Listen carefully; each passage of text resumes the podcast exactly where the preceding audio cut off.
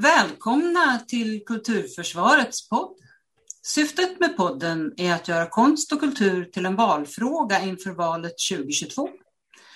Jag som leder samtalet heter Ulla Bergsvedin, är frilansande skådespelerska, kulturdebattör och grundare av Kulturförsvaret. Varmt välkommen till dagens gäst, Reidar Jönsson, dramatiker inom såväl teater som film, regissör och författare. Välkommen! Tackar! Vem är Reidar Jönsson och vad arbetar du med så här under pandemin? Ja, i stort sett så har jag levt som vanligt, det vill säga jag eh, sitter ju hemma. Jag i 50 år, mer eller mindre, förutom vissa jobb som jag haft, så, så, så har jag suttit ensam hemma och skrivit. Och om jag inte varit ute och intervjuat folk eller träffat folk eller jobbat med film eller något annat. Så ehm, det här året, det är rätt intressant det där hur det utvecklar sig med, i och med pandemin för att det hänger ihop lite grann med författarrollen som jag har försökt att undvika. För jag har alltid för, hittat på arbeten och hittat på saker för att förflyttas ut i, i, i, i andra sammanhang. Eh, jag hade tänkt att skriva en bok eh, på ett sätt där jag skulle intervjua eh, eh en viss yrkeskategori som då skulle vara med i den här boken på ett eller annat sätt och inspirera då berättelser. Eh, det kunde jag inte göra. Nej. Och det hänger lite grann ihop med, med den, den, um, den författarroll man ändå har för att man talar aldrig om, om, om författarens eh, ekonomi och möjligheter till att eh, resa. Eh, och nu pratar inte jag om att resa till ett annat land för att sitta där och skriva utan jag talar om att resa i Sverige är väldigt dyrt om du ska bo någonstans på hotell eller du ska bo och sen så kanske snurra runt i Sverige i, i flera månader. Det, det är hisnande kost, kostnader för en, en, en, en eh, författare, förutom då kanske eh, ytterst få, ett, ett fåtal av författare. Så därför så tvingas nästan alla författare till en ganska boklig kunskap till slut kan man säga. Istället för att vara en, en, um, en undersökande människa. Som till exempel eh, Ivar Lo-Johansson som eh, reste runt och träffade lantbruksarbetare eller som åkte ner till Paris och bodde under broarna. Så att säga. Eh, eller, eller andra av den sortens författare som, som inte finns längre kanske. Va? Så att nu har boken mm, smalnat av men samtidigt blev det också intressant för att eh, i den där kravet då att jag fortsatte och ville skriva just eh, om det här ämnet så eh, har boken blivit eh, fördjupad då i relation till mina erfarenheter som kanske som barn, som ungdom, som sjöman och så vidare. Så att den, eh, den har tagit en annan riktning och beskriver en familj som inte alls är min. Jag, jag har ju den eh, egendomliga idén om att man inte ska skriva om, eh, om sina fruar eller sin familj eller sina barn, vilket många gör nu för tiden. Mm. Jag tycker det är så konstigt att man gör det, utan eh, jag vill gärna i så fall förvandla dem till andra, andra figurer som och att det kan vara mångfacetterat av flera olika människor som man har mött. Och så blir det en gestalt då som man tycker, ja men den här passar i det här sammanhanget. Och i sammanhanget här så är det en, en, en, en gammal fiskare som är, ja inte så gammal, men han, han är en väldigt tvär och fyrkantig person och eh, inne in i den familjen som lever så är det ett familjedrama då som utvecklas efterhand. Plus att hela fiskarbyn då eh, på ett eller annat sätt beskrivs i den här boken med en del eh, skrönor och en del eh, andra personer inblandade. Och Och själva Reidar då? Vem, vem, är han som person? ja, eh, ja, man är väl en person utifrån sina erfarenheter och jag eh, vaknade tidigt i mitt medvetande om att jag levde i en ganska eh, otrygg eh, familj. Eh, och blev väl då väldigt eh, beroende av att vara öppen och glad. För jag tänkte att om jag inte är öppen och glad så, så, så, är, det, så är det ingen som vill ta hand om mig. Min mamma var sjuk eh, redan när, när vi barn föddes, tre, tre syskon. En lilla syster, jag mellanbarn och sen en äldre bror. Och min far var sjöman och eh, försvann hemifrån och kom kom hem då och då, men väldigt sällan. Eh, och min mor successivt blev sjukare och sjukare. Så vi visste ju aldrig om hon var hemma eh, när man kom med sin skolväska sen. Och eh, hon dog ju då när jag var ungefär, eh, ska vi se, eh, 13 ja, just det. Och eh, då hade jag redan levt i ett antal olika hem. Man fraktades iväg så att säga till något hem eller till något barnhem eller till uh, släktingar som tog hand om en under en viss tid och sådär. Det var... Uh, det blev så vanligt så att man tänkte inte så mycket på det annat än att man, man bara levde så. Och, uh, samtidigt hade jag en mor som läste väldigt mycket när hon låg i sängen. Hon, det fanns ju den sortens människor, även bland arbetarförfattarna som hade tuberkulos och annat som skolade sig i litteraturen och, och konsten genom att ligga på sanatorium. Och så även min, min mor, hon var väldigt eh, beläst och skolad. Och eh, tidigt började jag läsa de böcker som hon läste för jag tyckte det var väl konstigt att inte hon var intresserad av barn. Alltså man kunde inte förstå en, en sjuk kvinna på det sättet utan ett barn har ju sina behov. Mm. Så jag började väl läsa väldigt tidigt och eh, upptäckte då att eh, berättelser var som en varm yllemössa som man kunde dra över huvudet. Mm. Men var inte det också ett sätt eh, liksom, att komma nära henne då? Att ni lärde jo, jo absolut, absolut. Men hon pratade inte mycket. Min mamma pratade aldrig mycket. Så det var inte. Mm. Däremot hennes, hennes mor, min mormor, var ju en berättartalang. Hon kunde ju skapa en atmosfär genom att eh, vi satt vid köksbordet hemma hos mormor och morfar och eh, hon började berätta någon historia då som ofta var lite kuslig och spännande sådär. Och, mm och eh, håret reste sig i nacken på en. Så att, eh, och, och, och, och, sen så, eh, för att göra en lång historia korta så hamnade jag till slut i Boda glasbruk eh, därför min morbror var där och det var en rolig typ så där ville jag vara då och sen dog min mamma och sen så kom jag hem då när jag var 17 slutade skolan utan att, ja, jag, jag hade inte slutat skolan men jag sa till min far som kom hem då att jag, jag, jag slutat skolan och han hade inte en susning om det. Va? Så att jag, han åkte ut på sjön igen och då satt jag där i en lägenhet i Kristianstad där jag bodde ensam ett år. Och så jobbade jag på apoteket Svanen. Och sen när jag fyllde, och då hade jag ju fyllt precis 14 när jag kom till Kristianstad. Sen så när jag blev 15 så kom det en, en dam och hämtade mig och det visade sig att hon hade gift sig med min pappa. Så kom jag till Viken och, och sen jobbade jag vidare där och sen upptäckte skolmyndigheten att jag aldrig hade gått ut eh, folkskolan eller grundskolan. Så då ville de hämta mig och sa att nu måste du gå ut skolan och då blev jag ju lite bekymrad. Jag blev inte lite bekymrad, jag blev väldigt bekymrad. För jag tänkte att nu kommer de upptäcka att jag är dum i huvudet. Så att jag övertalade min styvmor då att, att uh, hon skulle skriva på papper så att jag kunde, ja mer eller mindre rymma till sjöss då. Så att de inte fick tag på mig, vilket jag gjorde.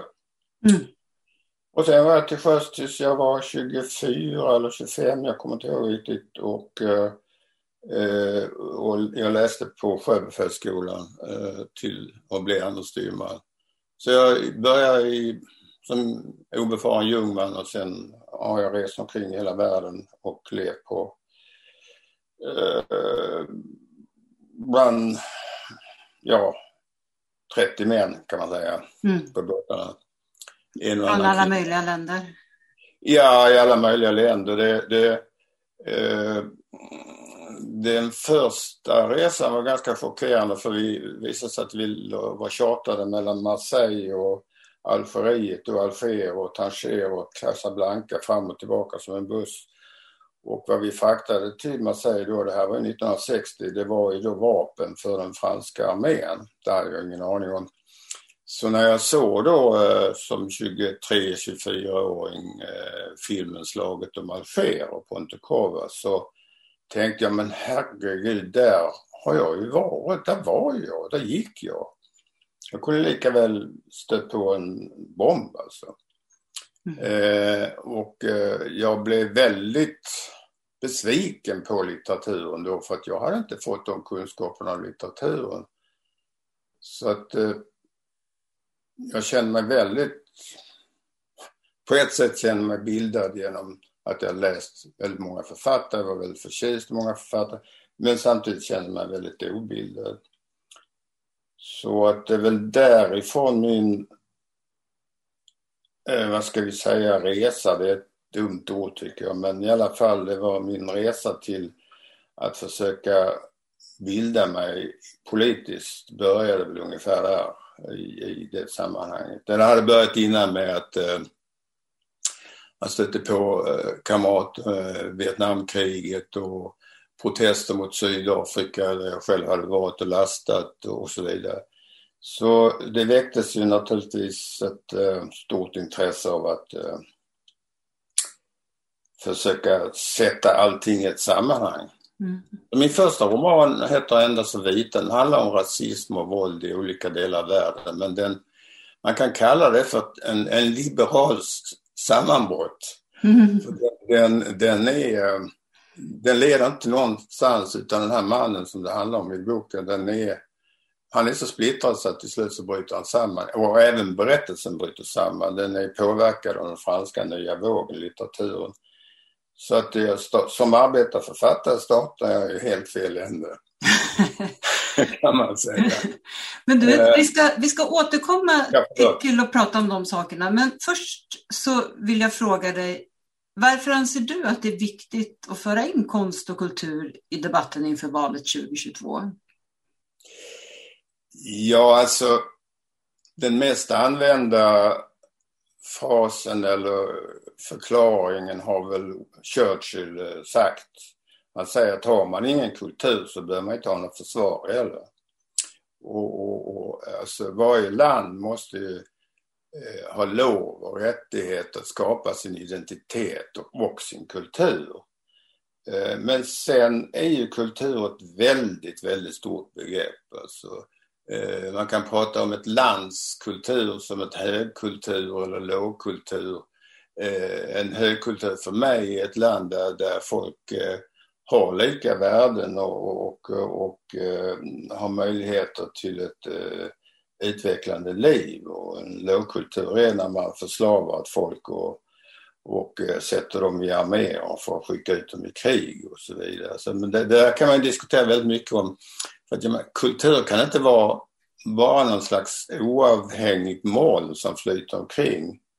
Det måste relateras till eh, till eh, ett land eller till den verklighet man lever i. Jag är väldigt mycket en Brecht-lärjunge där kan man säga. Så, så, eh, så jag, jag tycker bara det är självklart att, att eh, det, vi ska försvara kulturen och att den ska förstärkas. Därför att det som jag upptäckte när jag var till sjöss var att läsning, teater, film och så vidare. Nu pratar inte jag om skräpkultur, nu pratar jag om kvalitet. Eh, det är ju som en form av vaccinering mm. Eh, mot eh, den egna driften, alla människor kan skapas till att bli onda. Men om man lär sig att känna igen människors lidande, sorg och vanmakt eller fattigdom eller vad det nu är, så, så skapar det en slags vaccination mot, mot, eh, mot ondska helt enkelt. Mm. Som man är nästan omedveten om att man har. Och, och, det är inte bara så att man lär sig någonting av en bok utan man av stora författare, jag tar Steinbeck som exempel, eh, skrivit novellsamlingar, så ser man hur skickligt han bygger upp sina poänger med att man inte ska ha dödsstraff. Han säger inte det. Han skapar en berättelse som är så väldigt bra så en tonåring kan eh, förstå att nej, det är inte bra med dödsstraff. Eh, nu pratar jag om mina tonårsböcker och romaner som jag läste. Vi har en armenisk författare som heter Saroyan som skriver om eh, första världskriget där och, och föräldraskapet och och eh, armeniernas eh, flykt eh, och utrotningen av, av, av en jättestor folkgrupp. Och de kommer till Amerika. Och man, man känner ju då vilken, vilken sorg och vilken längtan de har. Man brukar säga att det armeniska folket är den som har störst själ i världen. Mm. um, och sånt där upptäcker man ju redan i tonåren om man mm. äh, läser och inte bara, ja, så. Så att äh, all kultur, all skapande är att äh, på något sätt se det som, inte en förklaringsmodell för hur världen ser ut, men som en, en, en, en mycket grundligare vaccinering av, av, mot ondska. Så därför är det viktigt. Du, du har ju varit inne på det att du, du följde i din pappas fotspår och gick ut på sjön. Och du sa ju också sagt till mig tidigare att du har levt i många olika världar. Det måste ju vara en tillgång för den som ska bli dramatiker och författare att ha med sig det. Ja, absolut. Jag tycker synd om äh, människor som numera då tar studenten och sen läser de litteratur och historia och sen doktorerar de för att eh, bli, för bli kritiker som de snart inte kan få bli utan, får inte betalt för det. Eller, eller, eller författare och sen sliter väldigt mycket. Men, men de, har, de har ganska snävt perspektiv förutom boklig kunskap. Äh, äh, jag fick jag anpassa mig på så många sätt och upplevt så många olika situationer redan som barn att eh, man kunde få kunskaper och få en basfilosofi på ett väldigt nära sätt. Eh, jag tänker på min morbrors syster min morbrors svär, svär, vad heter det, svär, uh, nej inte svär, vad heter det? Svärföräldrar kanske? Va? Är det svärföräldrar du är ute efter? Ja, svärföräldrar, ja just det, förlåt. Eh, jag tänker på änkan där då. Uh, plötsligt hade inte jag någonstans att bo när jag kom till Småland och då så, så, sa de att jag skulle flytta ner till den här änkan.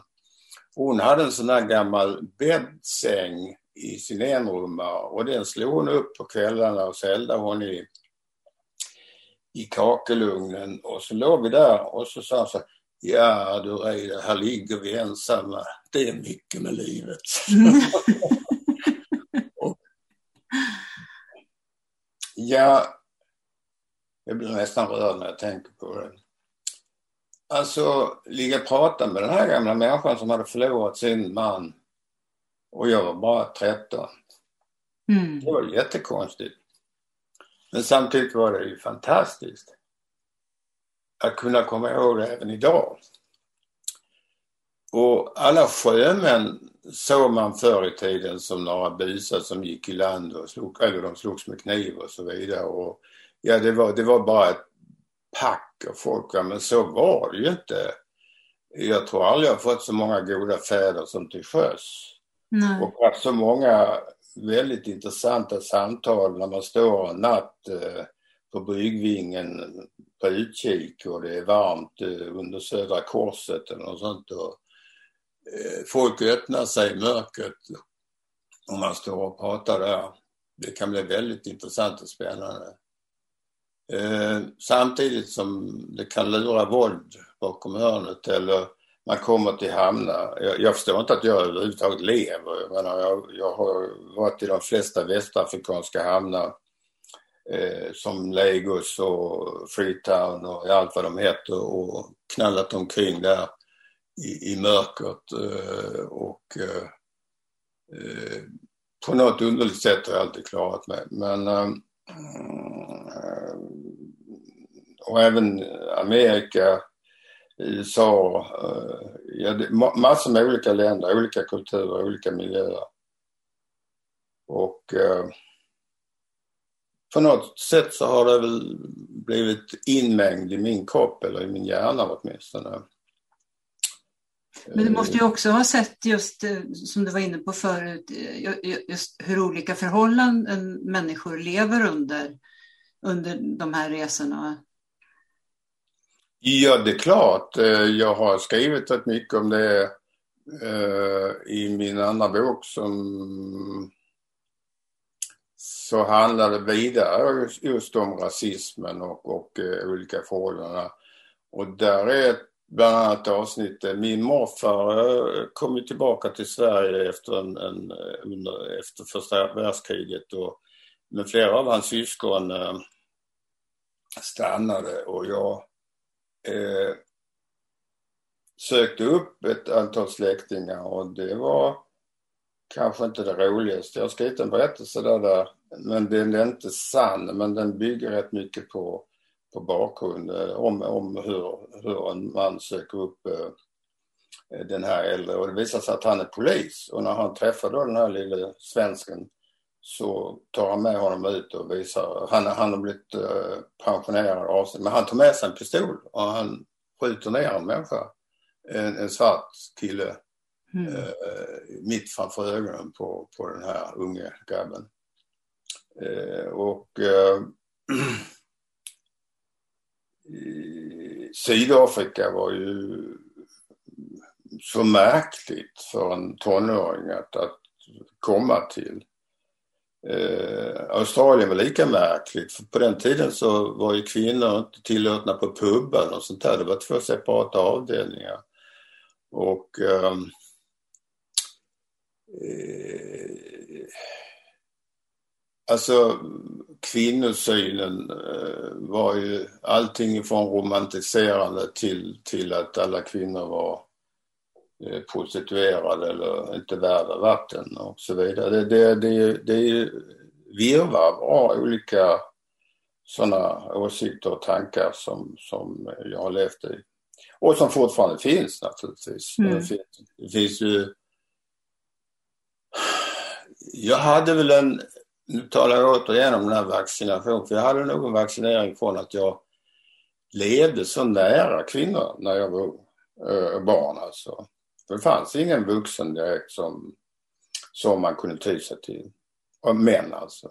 Mm. Utan män var främmande varelser. Så att eh, jag kunde inte förstå att man inte skulle respektera de som hade tagit hand mig. Eh, vilket gjorde att det ibland blev problem med slagsmål och annat. Mm. Men eh, jag tänkte också på här, den här fina berättelsen som du hade om, om den här äldre släktingen som då gav dig förtroendet att eh, vara den som hon pratade med. För det där kan jag också känna igen från min barndom när det fanns flera äldre människor omkring en och att det, det känns också som en slags vaccination att man har haft den möjligheten att, eh, att ha sådana här samtal med, med riktigt gamla människor. Ja, vi, vi glider ju nu in i en tillvaro som är väldigt eh, eh där man isolerar eh, åldersgrupper i mm. ett helt annat sätt och där, där ungdomarna blir eh, lämnade ensamma väldigt mycket till sina egna tankar och bombarderas med eh, en ideologi som är privatisering, konsumtion och så vidare.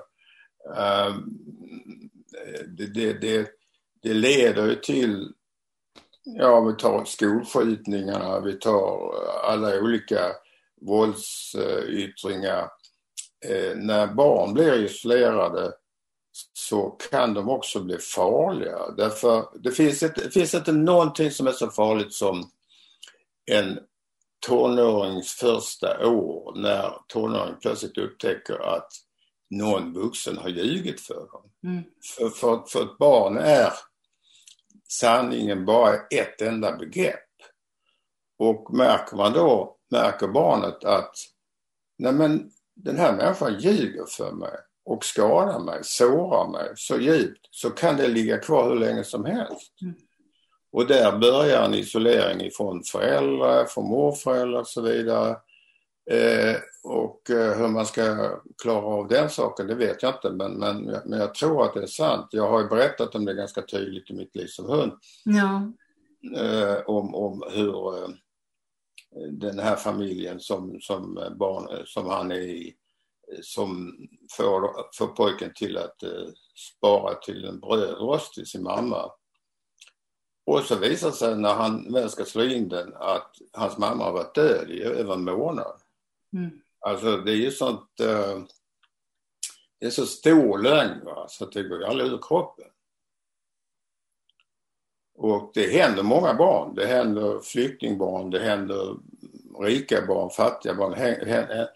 Alltså det, det, är en jättestor fråga att försöka få tillbaka det här sammanhanget mellan generationer så att det, de, de, de där lögnerna kan dämpas av olika människor som man har omkring sig. Som håller på att försvinna. Ja, jag, jag, tror att det är en väldigt viktig fråga. Där, där tror jag eh, också att konsten och kulturen eh, har... Ja, absolut. Och, och, och, och berättarskapet har ju det va? i teatern och och även eh, kunna uttrycka sig i musik eller, ja, eller skriva.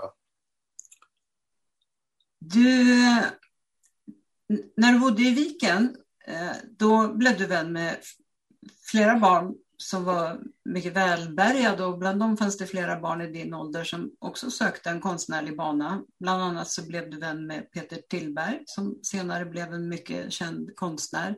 Det är en särskild historia kring det där, eller hur? Ja, eh, jag kom ju till Viken och började jobba tvärs över gatan till en speceriaffär där som springpojke och sen eh, kom jag in i familjerna två vägar, dels köksvägen. Ja. Lämna varor, lämna varor och, och dels eh, den andra vägen eftersom jag blev eh, bekant med, med, med, eh, med barn i min egen ålder. Och de flesta var ju då eh, ganska välbärgade. Eh, jag eh, blev väldigt omhändertagen av deras föräldrar för att redan då så eh, var ju då framförallt Peter Tillberg och en, som, en annan man, en, en, en som hette Alexander och Peter Tillbergs bror Thomas. Vi var de fyras gäng som på något sätt sysslade med, med, med att måla och med konst. Alltså. Och vi blev betraktade som lite konstiga men, men, men eh, och vi, hade, vi sparade inte till en bil eller något sånt där utan vi, vi lufsade omkring där och, och, eh, och i en familj då så, eller i familjerna så, så blev jag alltid sedd av framförallt mödrarna, det är samma sak där. Mm. Eh, Alexanders mamma eh, bodde i ett jättestort hus och var oerhört kultiverad. Eh, eh hade hade eh, tre språk flytande så här och levt i flera länder med en konstnär som dog och, och, och eh, när jag umgicks med, med hennes son så sa hon plötsligt till mig så men Reda du är ju här så mycket så det är lika bra du flyttar hit. Mm. Så jag blev adopterad av en helt annan familj än min arbetarklassbakgrundsfamiljer så att säga. Eh, en bohemisk eh, familj med, med, barn där jag blev både eh, sedd och, eh, och då eh, kvinnan, mamman då, hon, hon så att ja men redan nu måste du träffa författaren så, så, så ordnade hon det och så satt jag där plötsligt när jag var 17-18 år gammal och pratade med någon författare som hon hade ordnat, en kvinna då naturligtvis, som hon kände. Och så och eh, likadant med andra, andra så eh, så vi blir ju de här, vi som tonåringar då, vi blir ju vänner för livet. Mm. Och, och, väldigt eh, uppmuntrade då i er konstnärliga... Ja, det, alltså vi lämnades ensamma också rätt mycket på något sätt och utvecklades. Men, men, men, på något sätt så fanns det hela tiden en slags uh, uppmuntran. Ja, mm. framförallt för mig då eftersom jag, alla visste ju då att jag, jag hade förlorat min mamma. Man kommer inte till Viken som hade ungefär 400 människor boende 1959-60 utan att alla visste vem jag var. Mm. Min styvmor var Sveriges andra kvinnliga taxichaufför. Hon drev en rörelse. Jag menar, här kommer en liten grabb som har förlorat sin mamma. Plötsligt är han där. Alla visste det. Mm. Så det är klart att jag var lite speciell. Mm.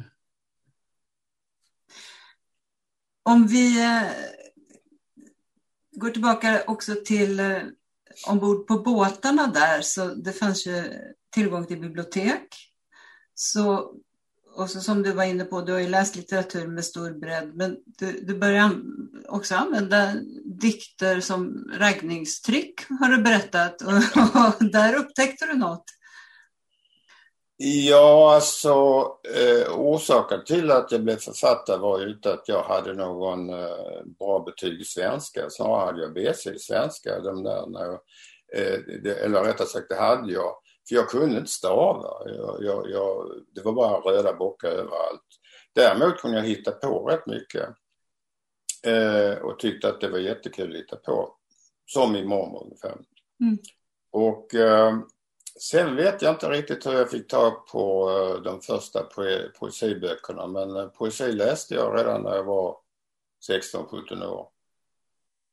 Det var väl något som stack igen, stack, ja, mm, typ eh, i händerna på mig och fick och någon av de här. Och eh, ja, så blir man ju kär när man är 16 år och sen så eh, till sjöss och sen när man är 17 så har hon försvunnit och så blir man kär igen och så eh, när man kommer hem över sommaren då så tänker man ja men det här måste jag ju försöka bevara på något sätt och då börjar jag skriva brev. Och eh, skrev då för första gången en dikt då till en, en flicka som... Och jag blev ju väldigt, väldigt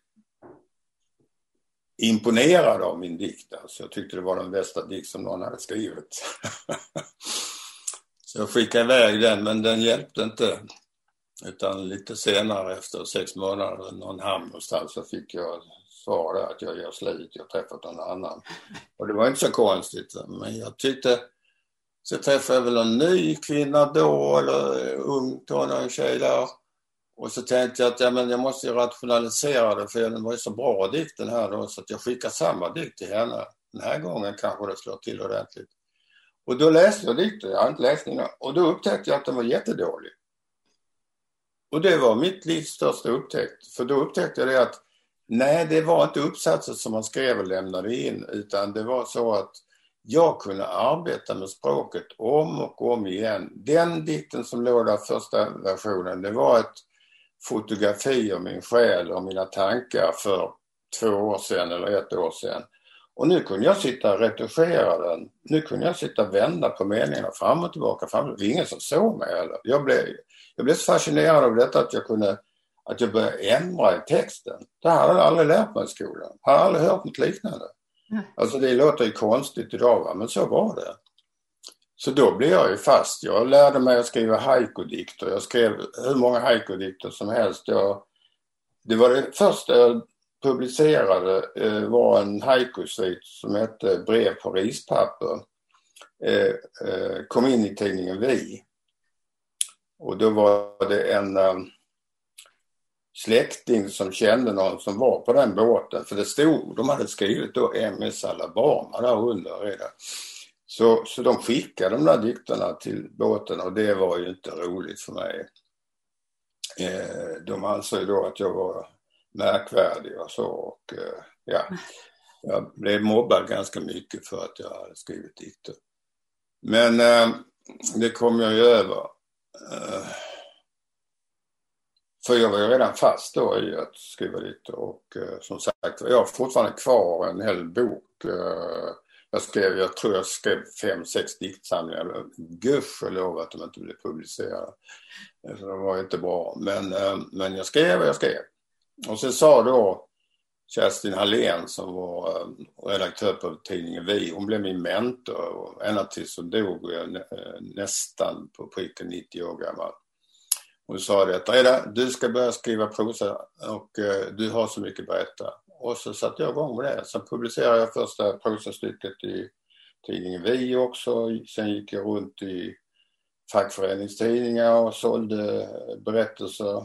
Stig Sjödin eh, som var stor poet på den tiden jobbade ju på eh, SIA tror jag det var.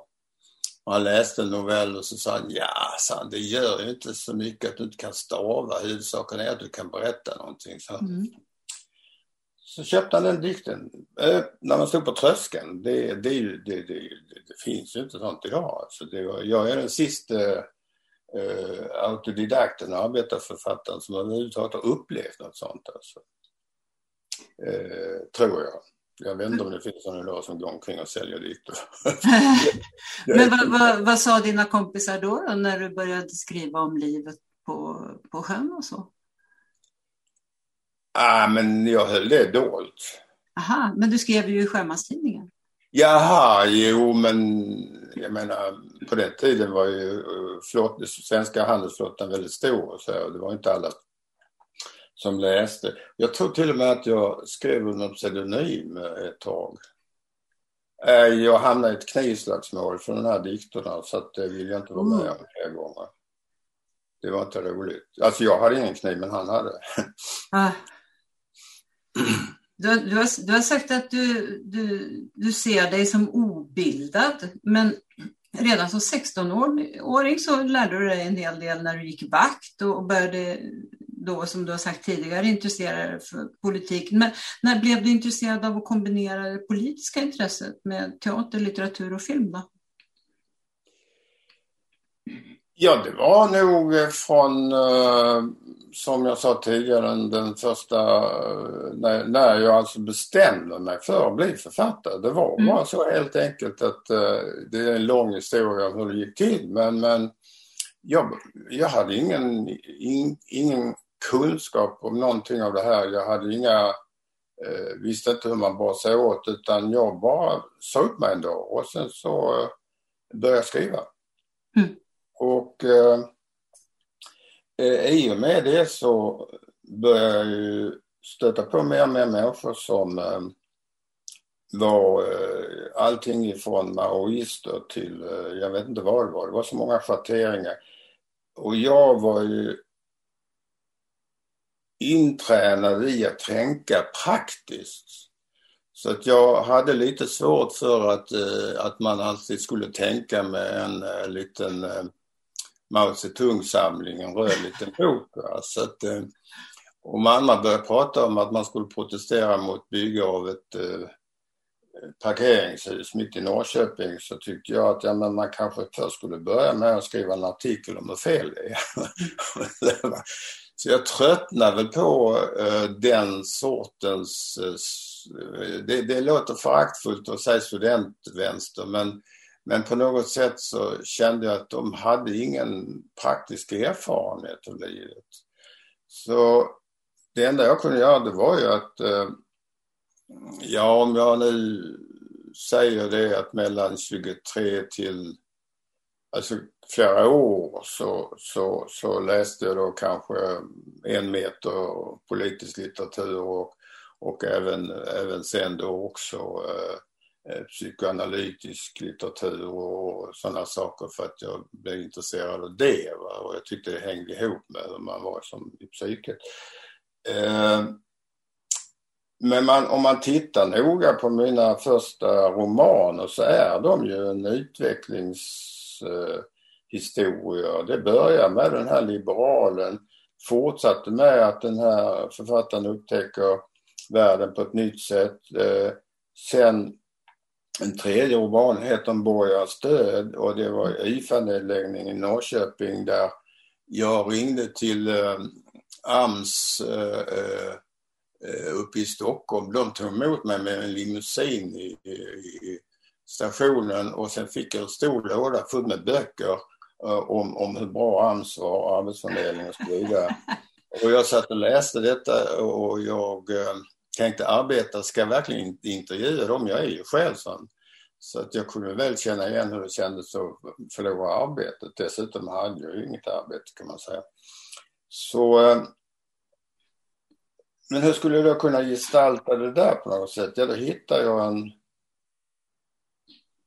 i verkligheten faktiskt en, en, en, en, situation där den här arbetaren då är så sur och tvär så att han sätter sig i sin lilla eh, bod i trädgården och börjar skriva om sina upplevelser om arbetslösheten och så. Och sen går han samma resa som som eh, Alins eh, tog med manifestet. Han går, han går tillbaka till vad är socialismen? Vad är, vad är, mm. vad är det att vara arbetare? Eh, och, eh, så den boken eh, var ju mitt lärospån på något sätt själv.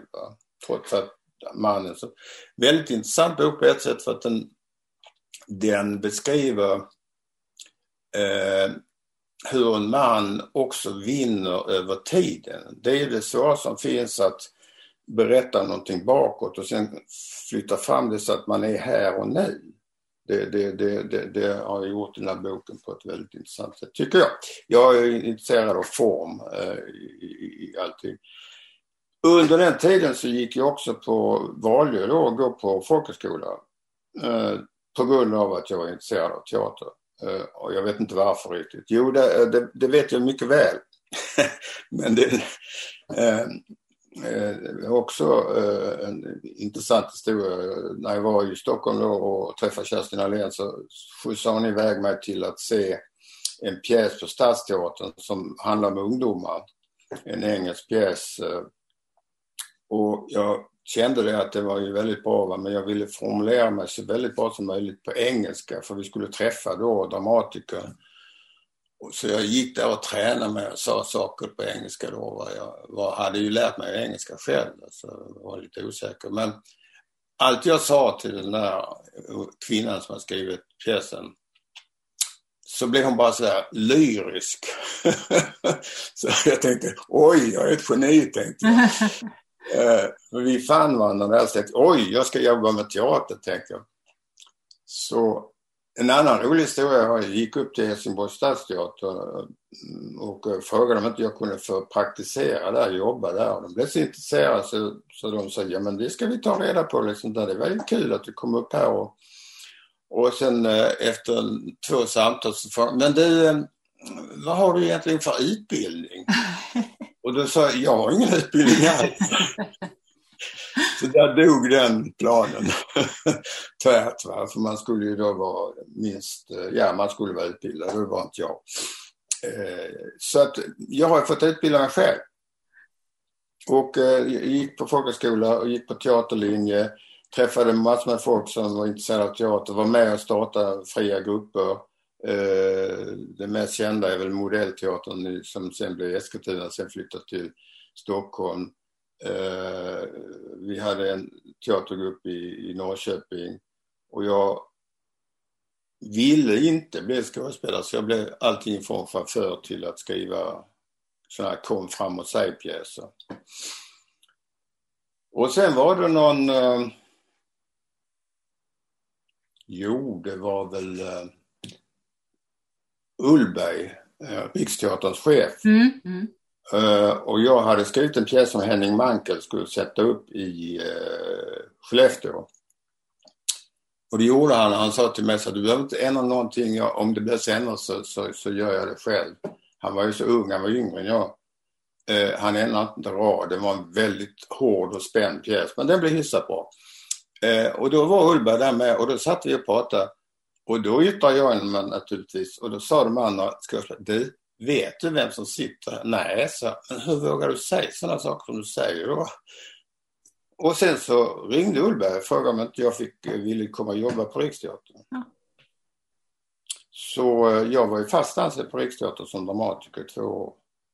Och var landets mest spelade dramatiker då någon gång där med, eh, gick väl på fyra, fem scener. Jag kommer inte ihåg vad pjäsen hette.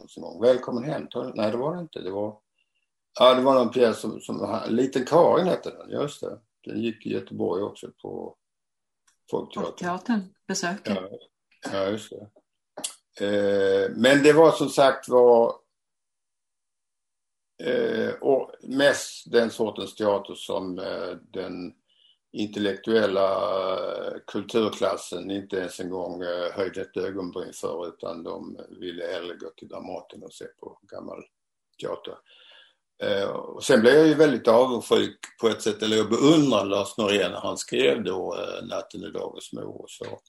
För då tänkte jag, men herregud, där är jag ju, där ska jag vara och skriva det. Men det blev aldrig av att jag skrev de berättelserna. Och sen har ju Lars Norén också seglat ut i psykets underbara värld. Eh, som jag inte är sådär väldigt förtjust i, det blev för mycket. Eh, ja, så att jag hamnar i teater precis som allt annat av någon form av eh, eh icke-respekt för andra människor. Nej men förstår du vad jag menar? Jag, ja, sa, ja. jag sa vad jag tyckte och sen tyckte de att det var ju intressant. Det var någon som verkligen sa något och sen så börjar man dialogen där. Ja. Men du var ju inne här tidigare på mitt liv som hund och eh, de flesta av oss har nog minnen, eh, kanske både från boken men också från filmen. Och utifrån det så kom du ju också till Hollywood. Mm. Där du arbetade en tid som manusförfattare. Hur, hur skilde det sig från att arbeta i svenskt kulturliv? Ja, vi bara avsluta det där med, med, med, med, min utbildning. Det var ju så att, att uh, i 70-talet så kom ju då rödstrumporna och det kom mycket mer progressivitet från kvinnor och så vidare. Och uh, jag kände mig ganska okunnig om allt det där och, plötsligt upptäckte jag då att det spelar ingen roll hur mycket marxistisk litteratur jag läser. Man kan inte rulla in sig i en kubansk cigarr i alla fall och bli en bra människa. Så, så ehm, eh, med en kris i olika sammanhang, äktenskap och så vidare, så bestämde jag mig för att jag skulle börja om från början. Så mitt liv som hund är att börja om från början kan man säga. Och eh, lika praktiskt som jag var tidigare så tänkte jag det att ja men då får jag väl gå i psykoanalys. Men jag får ju göra det ordentligt så att inte, och gömma mig så att inte Jan Myrdal kommer och tar mig. Så det var inte speciellt eh, vanligt att eh, man gick i psykoanalys. Men jag hittade världens bästa psykoanalytiker i Lund och la in mig där, höll jag på att säga. Ehm, och lyckades övertala henne om att jag skulle få gå tre dagar i veckan, två timmar om dagen. Vilket var mitt projekt då. Sen tänkte jag att jag gömmer en bandspelare så pratar jag in allting vad jag säger. Men det var ju naturligtvis, det funkar inte på det sättet. Men, men det var en väldigt bra eh, process det där och då kom ju det här med barndom och allting upp och så. Så att eh, efter, efter de åren så, ehm, eller under de åren så började jag skriva mitt livsmål. Och den är ju egentligen en psykoanalytisk thriller den här boken. Den, den, den handlar ju om ett barn som varje gång han stöter på någonting som är svårt och tungt så börjar han skoja bort det. Mm. Och, och, och, boken är uppbyggd i två tidsplan som går ihop till, till eh, eh, mammans död och sedan eh, han upptäcker att mamman på något sätt eh, egentligen inte ville ha honom. Det är dramatisering, det är inte riktigt sant det men, men, men eh, jag dramatiserar det mer än nödvändigt. Och eh, varför skrev jag då boken? Jo, jag, hade, jag satte igång en plan då redan som skulle ge mig ett stort projekt i framtiden. Och det var det att jag ville skriva om hur en man blev till. Och den enda jag kände på riktigt det var ju mig själv. Så att, eh, och sen hittade jag på den här Ingmar Johansson då som min, eftersom jag har den här egenheten att jag inte vill skriva om mig själv. Och ehm, sen fortsatte jag med det projektet med eh, En hund begaven som handlar om en, en man, en ung man som ljuger hela tiden att eh, ja men du förstår inte mig varför jag är som jag är och så berättar han historier för att skilja sig. Eh, det är därför den heter En hund och sen ytterligare så blir han mer och mer bildad och, och, och mer och mer eh, frånvänd eh, på ett sätt samtidigt som han naturligtvis är den där lilla pojken. Så Hundens paradis handlar ju om en man som är enkeman och, och berättar om alla sina fruar och eh, sitt liv på det mest galna sätt. Alltså det är ju en sorgebok egentligen. Eh, som är väldigt eh, spännande. Eh, tycker jag i alla fall. Men, eh, och det, det, är väldigt få som, jag vet inte, alla fastnar för en bok men det, är väl, det borde vara intressant att läsa alla tre. Man kan läsa, man kan läsa den baklänges och läsa den först, den senaste boken då, som en, om den här galningen. Och sen då eh, bakåt och fråga sig hur kunde han bli sån? Ja, då kan man läsa dem ner till Mitt liv som hund. Om vi då går till Hollywood så är det en stort avsnitt. Men, du, vänta, vänta lite då, för då tänker jag så här, du, du har ju sagt också att du skriver för att lära dig. Och mm. nu när du, när du berättar om det här nu, då låter det också som om du också skriver för att lära dig lite om dig själv. Verkligen. Det är självklart. Ja, men det ser jag som självklart. Alltså, jag är... Eh, jag, det är det enda det handlar om. Hade jag fått ett stipendium eh, för att sitta här och skriva utan någon publik så skulle jag lika gärna göra det, höll jag på att säga. Nej, det var riktigt sant. Men, men, men eh, det är ju en kombination. Mm. Jag tror att alla autodidakter har den här kombinationen att man eh, någon inneboende längtan efter att veta allt om sig själv och även, även att veta allting om världen. Och det innebär att man är som en sån här, vad heter de där som springer på vattnet så här den här lilla... Skräddare? Skräddare, man är som en sån här skräddare som så hoppar omkring så. Mm. Och eh, jag är ju tvilling också så det innebär att man är mm. väldigt snabb i, snabb i uppfattningen och tanken och tar in andra människor och, och äh, löser problem väldigt snabbt och sen blir man jättesur när inte de andra förstår det. Känner igen det där, jag lever med en. Ja. Du, men där ingår ju också att du skrev om din mormor som du har, du har Ja, det var, förlåt, det glömde jag, men, men där är ju den sista, sena, den, den, den, den resan.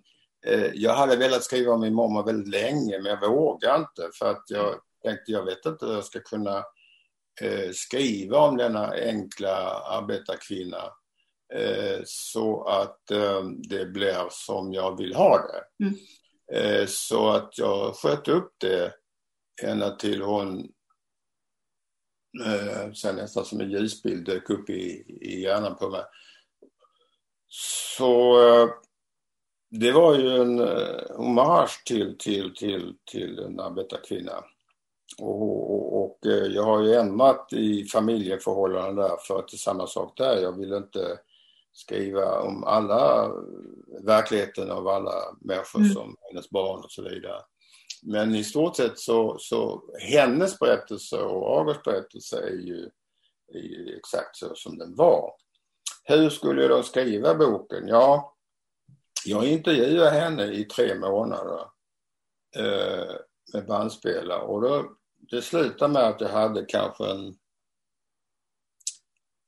1500-2000 sidor text. Och eh, eh, en, hon var ju då äldre änka efter morfar. Och det var ju många berättelser som kom igen eller upprepningar och så vidare. Men jag gav mig inte. Jag satt ju då två, tre timmar om dagen eh, med henne. Eh, men när jag såg det materialet så tänkte jag det här är nästan omöjligt. Då kom jag på det att ja men det handlar ju om att gå tillbaka till poesin. Den här eh, enkla kvinnan är som en gråsten. Nu ska jag fan ta mig putsa hennes språk så det blir som en diamant. Så att jag tog bort allt slagg, jag tog bort allting och så letade jag upp det som var det essentiella i, i, i texten. Så boken är ganska tunn och den är nästan skriven som prosalyrik. Eh, och det var det som gjorde att den blev så... Den, har ju, den sålde ju, jag tror det är 50 000 exemplar. Mm. Det blev radio, eh, följetong eh, för, för äldre människor. Det gjorde studiecirklar och så vidare. Det var tv, dokumentär om hennes liv och så vidare. Det var en, det var en väldigt stor eh, uppmärksamhet kring den här boken. Nackdelen var ju att jag var en man som hade skrivit boken. Nej men jag menar allvar. Oh, ja. För att den kom... var ju din mormor. Emilia ja. Emilia hette den också, det ska vi säga. Ja, ja det var många barn som blev döpta till Emilia då. Mm. Eh, även förläggarbarn. Mm.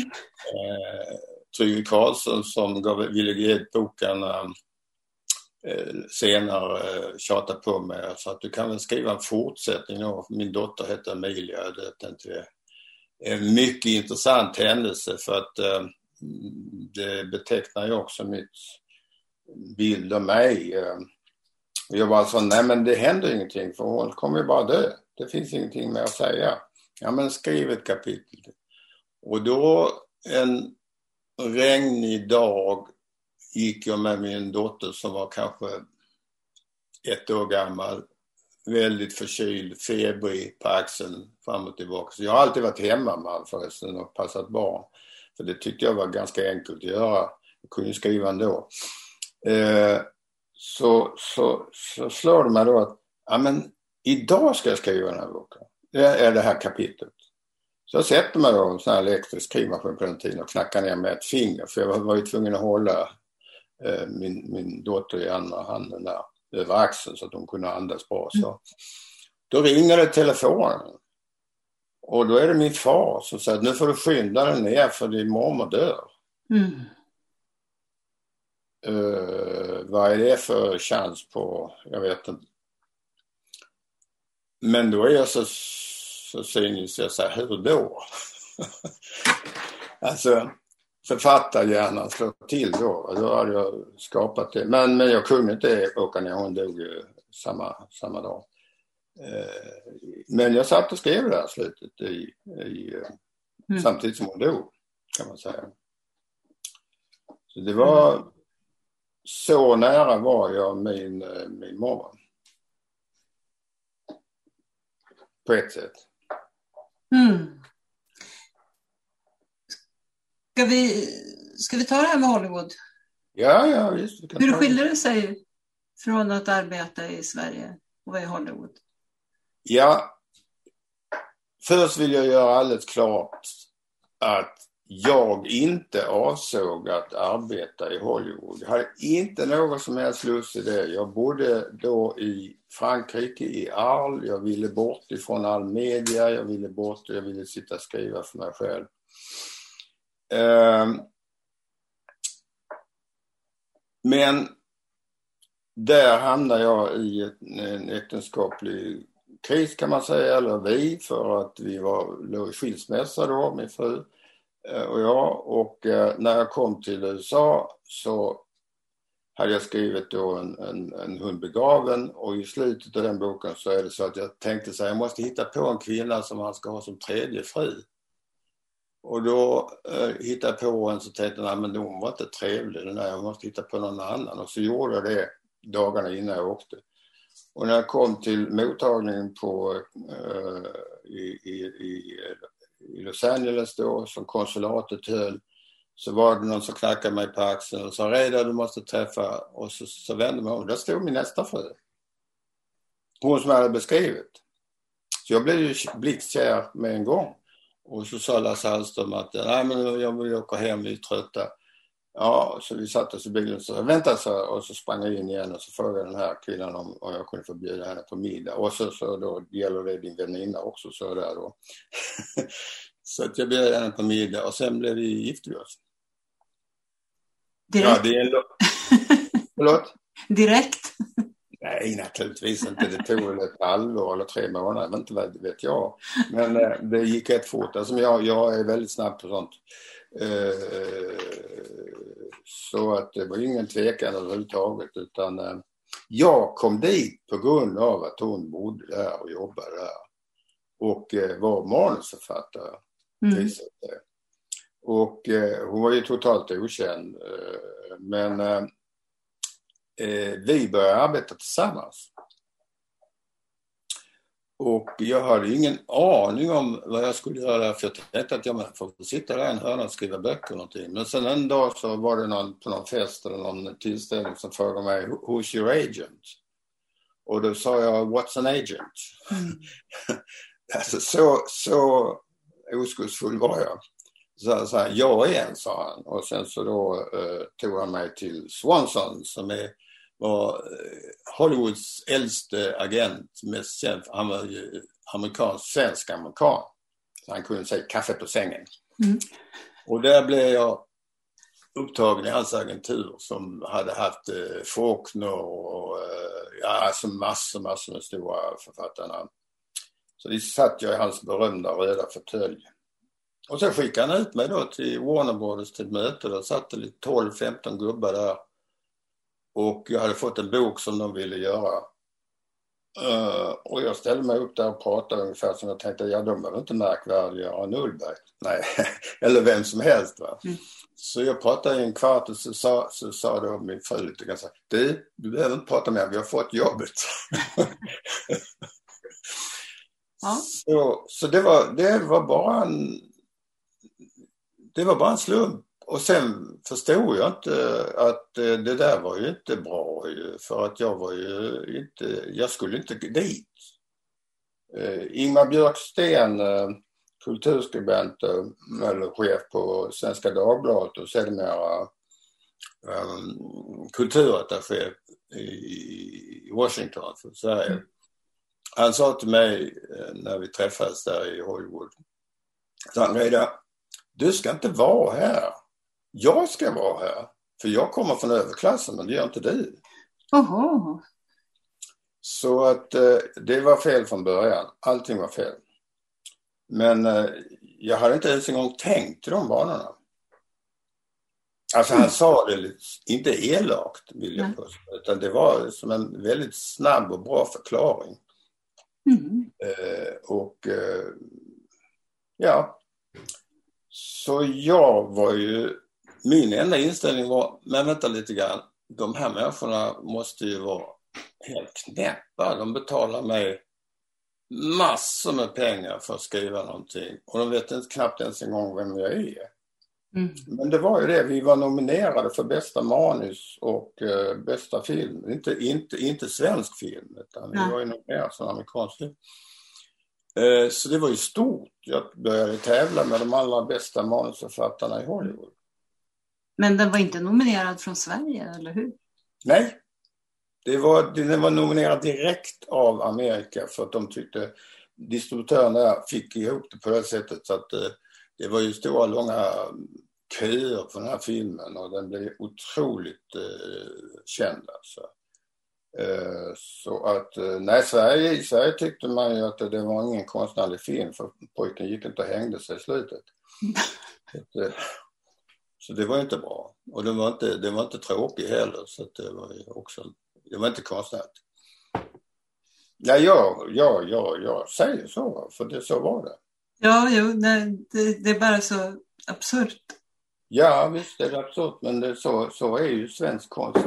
konst eh, filmvärld eh, också.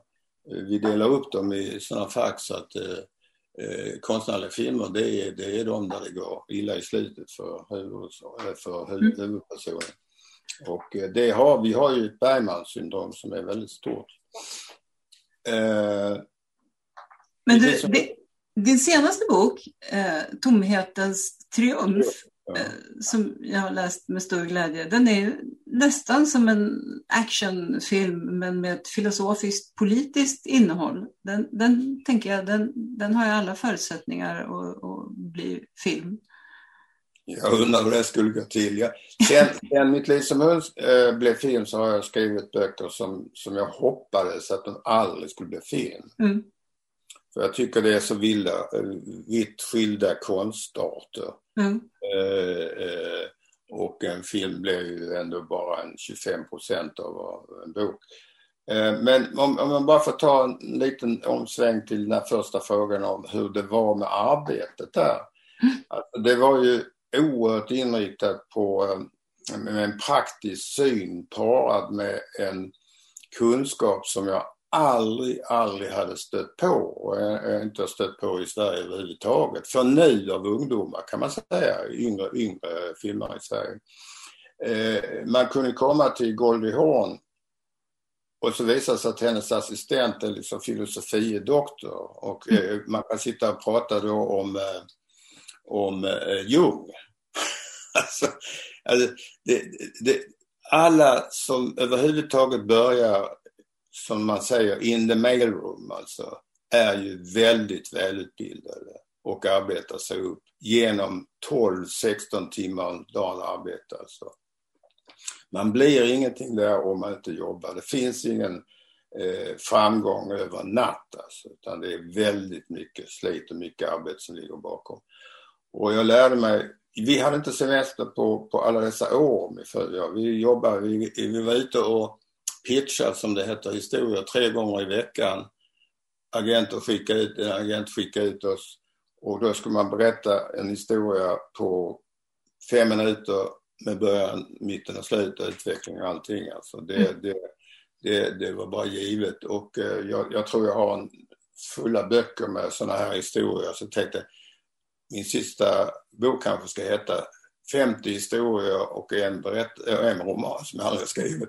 Alltså, eh, alltså jag producerar hela tiden historier och, och skrev många. Men det, eh, och jag har flera stycken av de historierna ute på Vita duken men inte med mitt namn på för att man bara, man har ingen copyright i Amerika. Så att det är bara att man säger nästa författare och så får den författaren skriva om nästa författare så får den skriva om och sen så då bestämmer fackföreningen då vilka, vilka som får liksom kredit. Eh, ehm, det är ett väldigt effektivt arbete. Jag satt och pratade med en stor producent en gång och så drömde jag mig bort lite grann och så sa jag någonting så sa pratade om min film nu, eh, vår film nu sa han. Ja, jag vet inte, så. Nej, men håll det till vår film då, så Och, Ja, men man kunde göra sig så. Nej, nej, så. Du fattar inte att vi arbetar med millions and millions of eyeballs out there. Så liksom att vi, vi, vi, vi tänker inte smått, vi tänker globalt. Kontrakt, allting tänker man eh, på världen. Man tänker inte på en liten publik. Och man kallar ju då de konstnärliga filmerna för containerverksamhet som skickas runt till, till, eh, till uh, olika festivaler. Medan man i Sverige berömmer sig själv för att man är då i den containerverkligheten. Och där, däremellan så finns det allting ifrån skräp till, nu pratar om Amerika, till verkligt bra filmer. Mm. Jag, jag ser inte ner på den svenska filmen alls på det sättet men, men vi har för lite tankar på, på just alltså eh, hur vi ska göra berättelserna tillgängliga för en större publik. De blir väldigt, väldigt smala. Och man måste ändå tänka på att mellan 15 och 25 miljoner går åt alltså. Mm. Att, eh, Nej, men det, filmindustrin är, är ju naturligtvis en väldigt dyr verksamhet och, mm. då, och vissa filmer tycker jag nog att man skulle då kunna säga till, till de som gör det, kan inte skriva poesi istället? Du, vi, eh, vi behöver eh, avrunda eh, nu. Så att eh, jag vill eh, ställa en eh, avslutande fråga till dig så får vi se om vi får se den här boken som, eh, som film. Nej, det blir det aldrig av. Det vill däremot, så, däremot så arbetar jag med, med, med långfilmsprojekt nu under det här året. Och det har kommit ganska långt så det, det, ska bli spännande att se om det blir. Det ser vi fram emot. Ja, jag är både producent och författare. Jag har ensam producent också. Men uh, det är i alla fall ett riktigt uh, häftigt ämne. tror jag. Mm.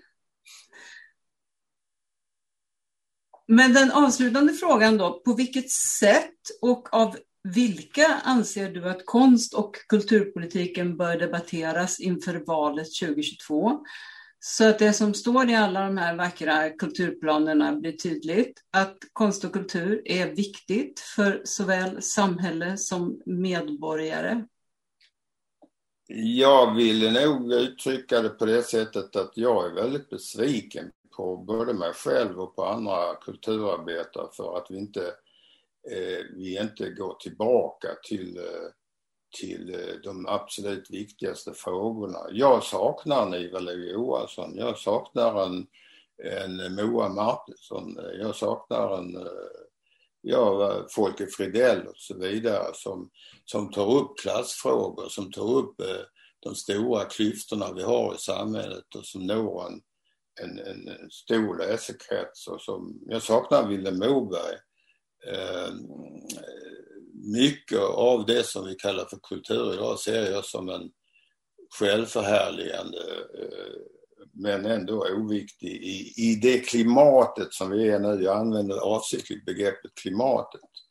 Eh, vi, vi, vi, lever på randen av väldigt många kriser. Vi lever på en eh, större och större klasskillnader mellan folk i Sverige där vissa kan berika sig så mycket som de nästan kan köpa upp så mycket mark som de kan kalla sig för grevar nästan.